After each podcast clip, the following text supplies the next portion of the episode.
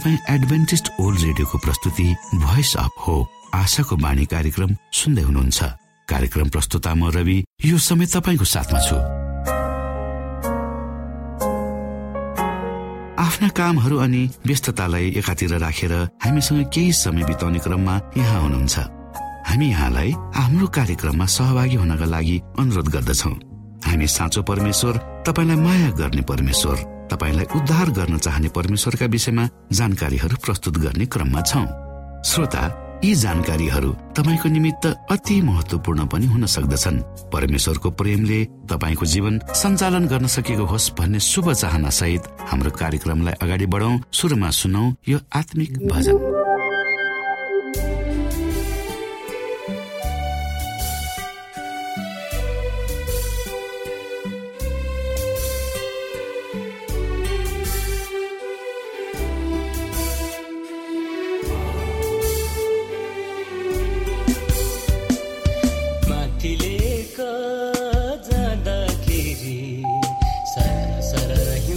सिटा परिदिन्छ। पहाडको फेदी झर्दा सलल सलल खोलाहरू बगिरहन्छ। माथिले क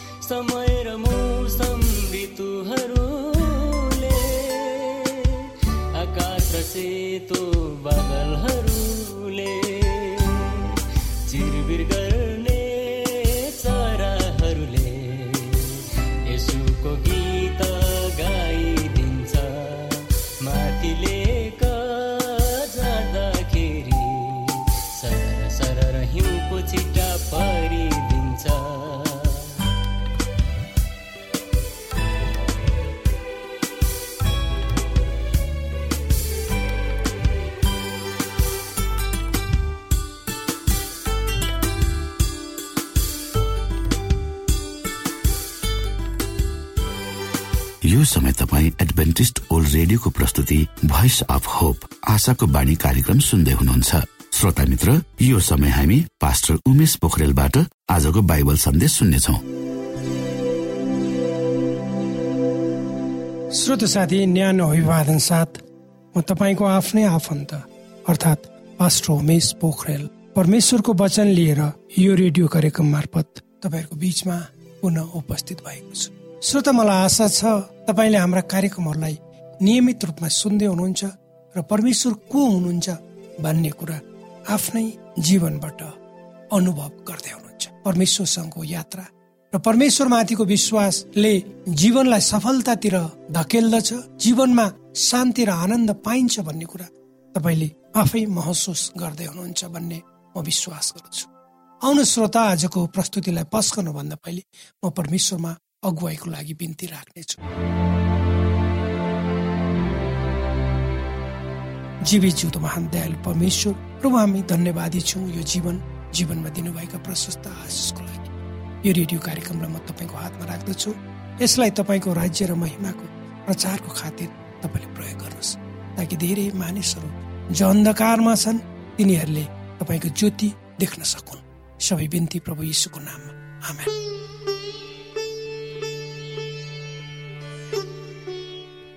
श्रोता आजको मेरो प्रस्तुतिको शीर्षक छ हामी बाइबलमा विश्वास गर्न सक्छौँ। बेलायती जहाज बााउन्टी डुबाएका प्रख्यात पर्वतारोहीहरू दक्षिण प्रशान्त महासागरमा रहेको एक्लो टापुका आदिवासी महिलाहरूसँग घरजम गरेर बस्नु पुगे। उक्त समूहमा नौजना बेलायती नाविक छजना ताहिती निवासी पुरुष दसजना ताहिती महिलाहरू र पन्ध्र वर्ष कि एक केटी संलग्न थिए। नाविकहरू मध्ये एकले मदिरा बनाउने विधि आविष्कार गरे र पुरै टापुलाई मदिरा दुर्व्यसनले छिट्टै भ्रष्ट बनायो। पुरुष र महिलाहरू बीचको लडाईँले उग्र हिंसाको रूप लिँदै गयो। केही समयपछि सुरुमा टापुमा पुग्नेहरू मध्ये एकजना व्यक्ति मात्र बाँच्न सफल भए तर ती मानिस अलेक्जेन्डर स्मिथले जहाजबाट लगिएको एक बाकसमा बाइबल भेट्टाए। उनले त्यो बाइबल पढ्न र त्यसमा भएका कुरा अरूलाई सिकाउन थाले। उनले यसै गर्दै जाँदा उनको आफ्नै जीवनमा र अन्तत टापुका सबैको जीवनमा परिवर्तन आयो। अठार सय दसमा अमेरिकी जहाज टोपाजको आगमन हुनु अगाडिसम्म टापुका बासिन्दाहरू बाहिरको संसारबाट पूर्णतया अलग्गिएर रहेका थिए। यसको चालक दलले टापुमा न हिस्की न कुनै जेल न कुनै अपराध भएको एक सम्पन्न समृद्ध समुदाय पाए। बाइबलले टापुलाई पृथ्वीको एक नरकबाट परमेश्वरले चाहनु भएको जस्तो संसारमा परिणत गरिदिएको थियो। आज पनि यो उही स्थानमा छ। के परमेश्वर अझै पनि बाइबलका पृष्ठहरू मार्फत मानिसहरूसँग बोल्नुहुन्छ?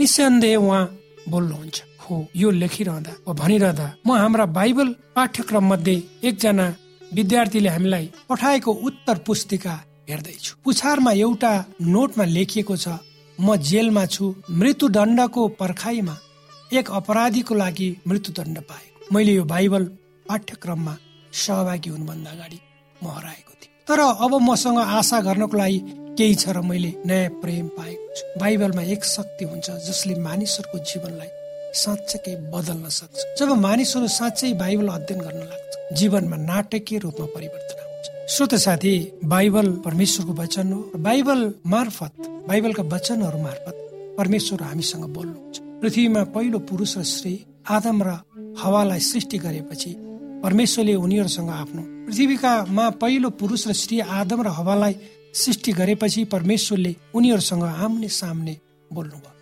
तर जब उनीहरूले पाप गरिसकेपछि तिनीहरूलाई भेट्न परमेश्वर आउनुभयो ती दम्पतिहरूले के गरे? बाइबलले यसरी लेख्छ।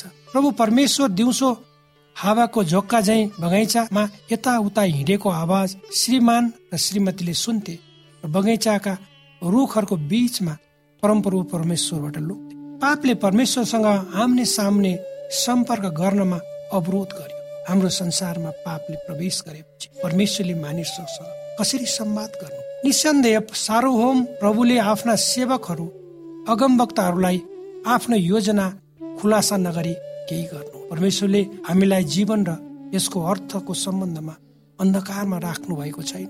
उहाँका अगमवक्ताहरू ती व्यक्तिहरू जसबाट परमेश्वरले बोल्न र उहाँको तर्फबाट लेखिदिन आह्वान गर्नु। उनीहरू मार्फत उहाँले जीवनका महान प्रश्न र उत्तर प्रकट गर्नु भएको छ हो श्रोता अब हामी हेरौँ परमेश्वरले बाइबलद्वारा तपाईँ र मसँग बोल्नुहुन्छ भनेर भनिएको छ।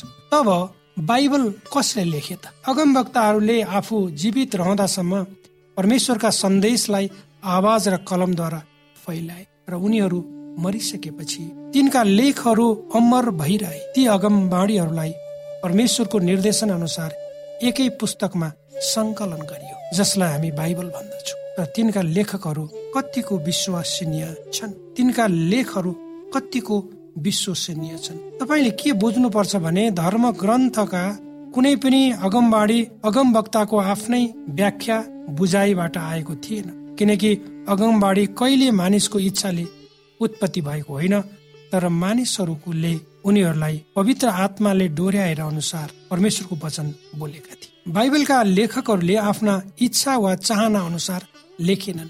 बरु उनीहरूलाई परमेश्वरको आत्माले डोर्याए प्रेरित गरे अनुसार लेखे। बाइबल परमेश्वरको आफ्नै पुस्तक हो। बाइबलमा परमेश्वरले हामीलाई आफ्नो बारेमा बताउनुहुन्छ र मानव जातिको लागि उहाँका उद्देश्यहरू प्रकट गर्नुहुन्छ। यसले अतीतमा परमेश्वरको दृष्टिकोण प्रस्तुत गर्छ र भविष्यको पनि बाटो खोल्छ। हामीलाई कसरी दुष्टताको समाधान हुनेछ र हाम्रो संसारमा कसरी शान्ति आउनेछ भन्ने कुरा बताउनेछ। के सबै बाइबल परमेश्वरकै सन्देश हो त? बाइबल धर्मशास्त्रले भन्छ सबै धर्मशास्त्र परमेश्वरकै वचन हो र पवित्रता सहित शिक्षा दिन हप्काउन सुधार गर्न र प्रशिक्षण दिनको लागि उपयोगी छ। ताकि परमेश्वरको मानिस हरेक असल कार्यको लागि राम्ररी सक्षम र स्रोत साधन सम्पन्न हुन सकोस् पवित्र बाइबलले मानव जातिलाई यति गम्भीरतापूर्वक असर गर्छ कि गर्छ किनभने सबै बाइबल परमेश्वरको बाणी हो। एक प्रेरित दस्तावेज परमेश्वरको पुस्तक हो। अगमवक्ताहरूले उनीहरूले देखेका र सुनेका कुराहरूलाई मानव भाषामा उतारेर तर उनीहरूको सन्देश सिधै परमेश्वरबाट आएको थियो। त्यसैले यदि तपाईँ जीवनको बारेमा सबै कुरा जान्न चाहनुहुन्छ भने पवित्र धर्मशास्त्र पढ्नुहोस्।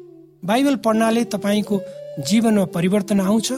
तपाईँले यसलाई जति प्रार्थनापूर्वक पढ्नुहुन्छ तपाईँले उति नै मनको शान्ति अनुभव गर्नुहुनेछ तपाईँले बाइबल पढ्दै गर्दा पवित्र आत्मालाई निमन्त्रणा दिनुभयो भने अगमवक्ताहरूलाई बाइबलले प्रेरित गर्ने उस्तै पवित्र आत्माले बाइबलको शिक्षा यसका सुसमाचारलाई तपाईँको जीवन परिवर्तन गर्न प्रभावकारी बनाउँछ हो श्रोता बाइबलमा हामी एक रूपता पाउँछौँ। यद्यपि बाइबल परमेश्वरको प्रेरणाद्वारा विभिन्न व्यक्तिहरूद्वारा लेखियो तर त्यो परमेश्वरको वचन हो तर हामीले बाइबलमा एक रूपता पाउँछन्। पाउँछौँ। बाइबल वास्तवमा छैसठीवटा पुस्तकहरूको एक सङ्ग्रह हो।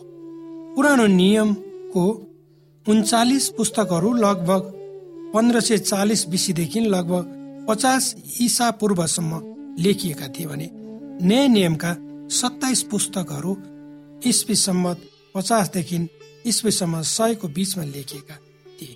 वक्ता मोसाले ईसा पूर्व चौध सय भन्दा अघि बाइबलका पहिलो पाँच पुस्तक लेख्न सुरु गरे। प्रेरित यौनाले बाइबलको अन्तिम किताब प्रकाश इस्पी सम्मत पञ्चानब्बेमा लेखी भए बाइबलका पहिलो र अन्तिम किताबहरू लेख्दा पन्ध्र सय वर्षको अवधिमा कम्तीमा अडतिसजना अन्य प्रेरित लेखकहरूले आफ्नो योगदान दिए। केही व्यवसायीहरू थिए।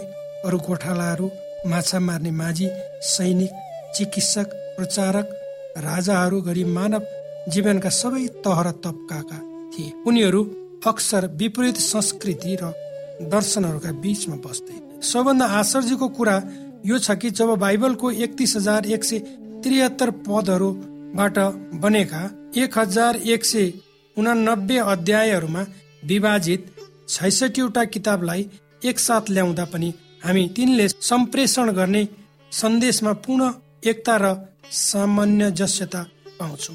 मानु एकजना मान्छेले तपाईँको ढोका ढकढकाउँछन् र जब भित्र बोलाएपछि उनले तपाईँको बैठक कोठाको भुइँमा एक अजीब आकारको मार्बल टुक्रा राख्छन्। त्यसपछि एक शब्द नबोली त्यहाँबाट जान्छन्। अन्य आगन्तुकहरू एक एक गरी सोही कार्य दोहोऱ्याउँछन्। जबसम्म लगभग चालिस जना व्यक्तिहरूले आफ्नो संख्या अङ्कित गरेर मार्बलको टुक्रा राखिसकेका हुन्छन्। अन्तिम व्यक्ति गइसकेपछि तपाईँले आश्चर्य मान्दै आफ्नो सामु एक सुन्दर मूर्ति आफ्नो सामु खडा भएको देख्नुहुनेछ। त्यसपछि तपाईँलाई के थाहा हुन्छ भने अधिकांश मूर्तिहरूले कहिले एकअर्कालाई भेटेका थिएनन्। उनीहरू दक्षिण अमेरिका चीन रुस अफ्रिका र संसारका अन्य भागबाट आएका थिए। तपाईँले के निष्कर्ष निकाल्नुहुन्थ्यो होला?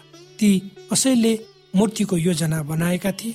र प्रत्येक व्यक्तिलाई उनको मार्बलको विशेष टुक्राको लागि सठिक विशेष विवरण पठाएका थिए। बाइबलले सम्पूर्ण रूपमा एक सुसङ्गत सन्देश सम्प्रेषण गर्दछ। मार्बलको एक पूर्ण मूर्ति जस्तै यो सबै योजना एक दिमागले बनायो। त्यो परमेश्वरको दिमाग हो। धर्म ग्रन्थको लेख उल्लेखनीय एकताले के प्रमाणित गर्छ भने मानवले ती विचारहरू लेखे अनि ती परमेश्वरबाट प्रेरित भएका थिए। श्रोता के तपाईँ बाइबलमा भरोसा राख्न सक्नुहुन्छ? हो तपाईँ हामी बाइबलमा भरोसा राख्न सक्छौँ किनभने बाइबल भनेको परमेश्वरको वचन हो त्यो हाम्रो लागि। हामी बाइबलमा भरोसा राख्न सक्छौँ। बाइबलले तपाईँ र मलाई हामी कुन बाटो हिँड्नु पर्ने र कुन बाटो हिँड्नु नहुने र परमेश्वर को हुनुहुन्छ? परमेश्वरका योजनाहरू के हुन्? परमेश्वरका आज्ञाहरू के हुन्? यी सबै कुराहरू बाइबलले तपाईँ र मलाई देखाउँछ। र बाइबलमा लेखिएका कुराहरू चाहिँ वास्तविक हुन् र जसलाई अहिलेको यो आधुनिक युगको विज्ञानले पनि प्रमाणित गरेको छ। बाइबल कुनै काल्पनिक र मनगणन्ती लेख होइन। यदि कसैले वा तपाईँ र मैले बाइबललाई आत्मसात गरेर आफ्नो जीवन यात्रालाई अगाडि बढायौँ भने निश्चय नै हामी आफ्नो लक्ष्यमा पुग्न सफल हुनेछौँ। श्रोता आजको प्रस्तुति तपाईँलाई कस्तो लाग्यो? यदि तपाईँका कुनै जिज्ञासाहरू छन् भने बाइबल धर्मशास्त्र सम्बन्धमा तपाईँले हामीलाई हाम्रो पत्र व्यवहारको ठेगानामा पत्र लेखी वा फोन गरी जानकारी दिन सक्नुहुन्छ। तपाईँको जीवन र तपाईँको दिन वा तपाईँको साँझ शुभ रहोस्।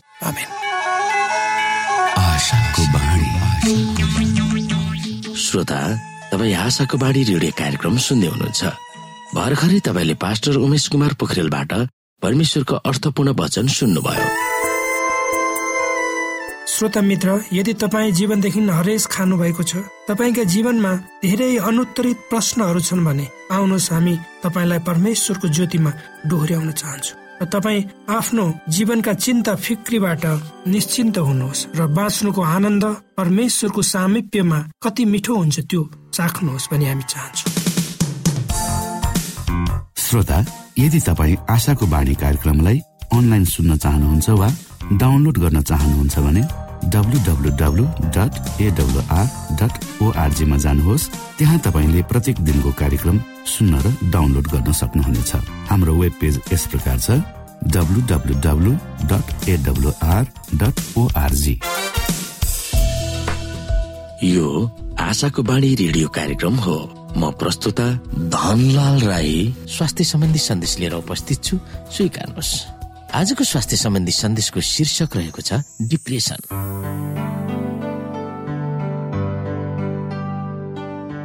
श्रोता डिप्रेसन भन्ने बित्तिकै हामी मस्तिष्कको क्षमता पुरै गुमाएको वा पागल भएको भन्ने सोच्दछौ।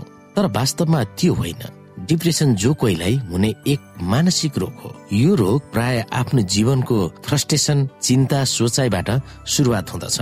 मानसिक रोग भन्ने बित्तिकै पागल नै हुनु पर्दछ भन्ने होइन।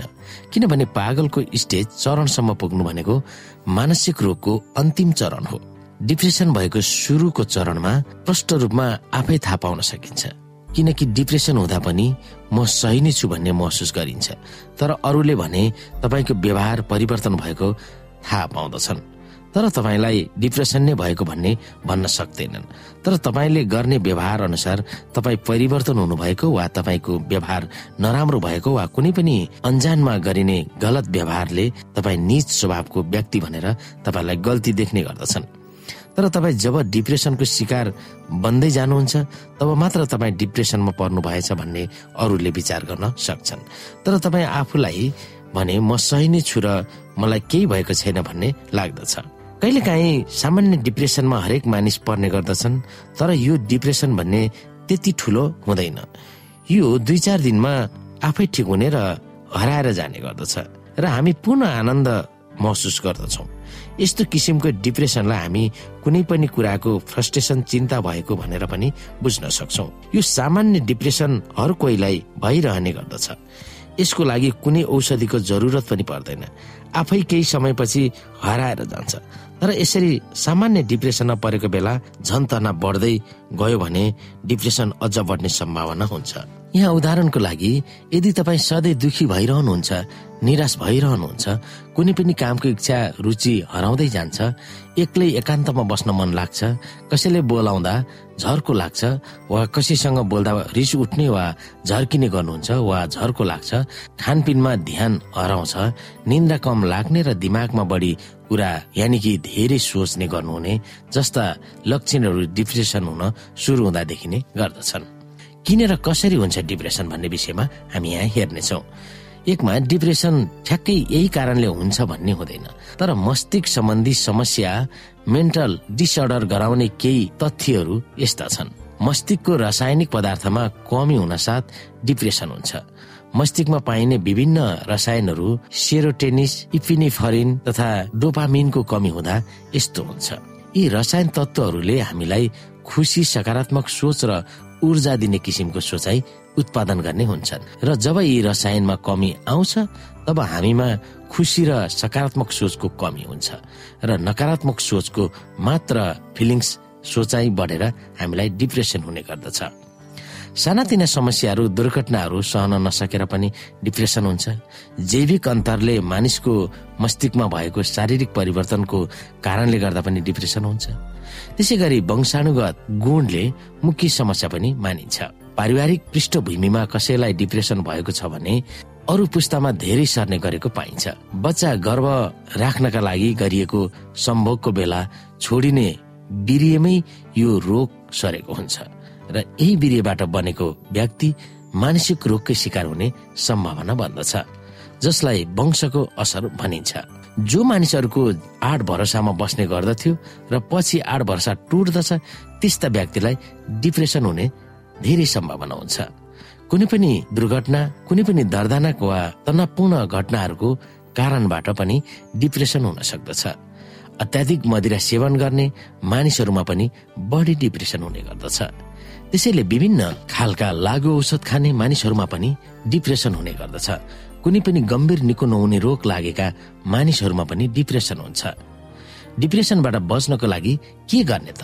हामी यहाँ हेर्नेछौ सर्वप्रथम डिप्रेसनको बिरामीहरूको कुराहरू कोही सम्बन्धित व्यक्तिले ध्यान दिएर सुनिदिने र उसलाई मन हल्का बनाइदिने कार्य गरिदिनु पर्दछ उसले भनेका कुराहरू नराम्रै भए पनि उसको कुराहरूलाई बिना टिप्पणी सुन्नु पर्दछ हो नि सही हो।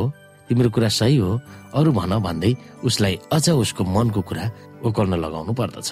यसो गर्दा उसको मनको बोझ कम हुँदछ र उसलाई आराम भएको महसुस हुँदछ। उसको कुराहरूलाई सुनिदिने माया दिएर सान्त्वना दिएर खुसी बनाउने प्रयास हामीले गर्नुपर्दछ। डिप्रेसनको जति औषधि खाए पनि परिवारमा राम्रो व्यवहार छैन भने त्यो औषधिको काम हुँदैन। औषधि बिना पारिवारिक साथ माया ममता व्यवहार राम्रो गर्दा पनि डिप्रेसन पूर्ण रूपमा निको हुन्छ। बिरामीलाई रिस उठ्ने तपाईँको व्यवहार बिल्कुल गर्नु हुँदैन डिप्रेसनको लक्षणहरूलाई बेलैमा बुझेर यसको उपचारतर्फ लाग्नु पर्दछ कुनै पनि समस्या छ भने परिवारका सदस्यलाई वा आफ्ना प्रिय व्यक्तिलाई भन्नुपर्दछ। बालबालिकाहरूलाई युवा अवस्थामा रहेका व्यक्तिहरूलाई मानसिक तनाव हुने व्यवहारहरू अभिभावकले गर्नु हुँदैन सम्झाएर बुझाएर पढाउनु पर्दछ डर देखाएर पढ्न लगाउनु हुँदैन सानैबाट बालबालिकाको मस्तिष्क डरको छाप रहेपछि डिप्रेसन हुने सम्भावना बढ्दछ। बरु यो गर्यो भने यो किनिदिन्छु भन्दै उसलाई मनपर्ने कुराहरूको आश्वासन देखाएर उसलाई पढ्न र राम्रो काम गर्नतिर ध्यान बदल्न सकिन्छ। उसले पनि आफ्नो रहर पुरा गर्नको लागि तपाईँले भनेको कार्य गर्दछ। उसले कार्य गरिसके पश्चात तपाईँले दिएको वचन पुरा गरिदिनु पर्दछ त्यसो हुँदाखेरि डिप्रेसन आफै कम भएर जाँदछ। हस्त श्रोता मित्र आजको लागि स्वास्थ्य सम्बन्धी सन्देश यति नै। अर्को प्रस्तुतिमा पुनः भेट हुने बाचा सहित म उही तपाईँहरूको आफ्नै मित्र धनलाल राई विदा हुन्छु।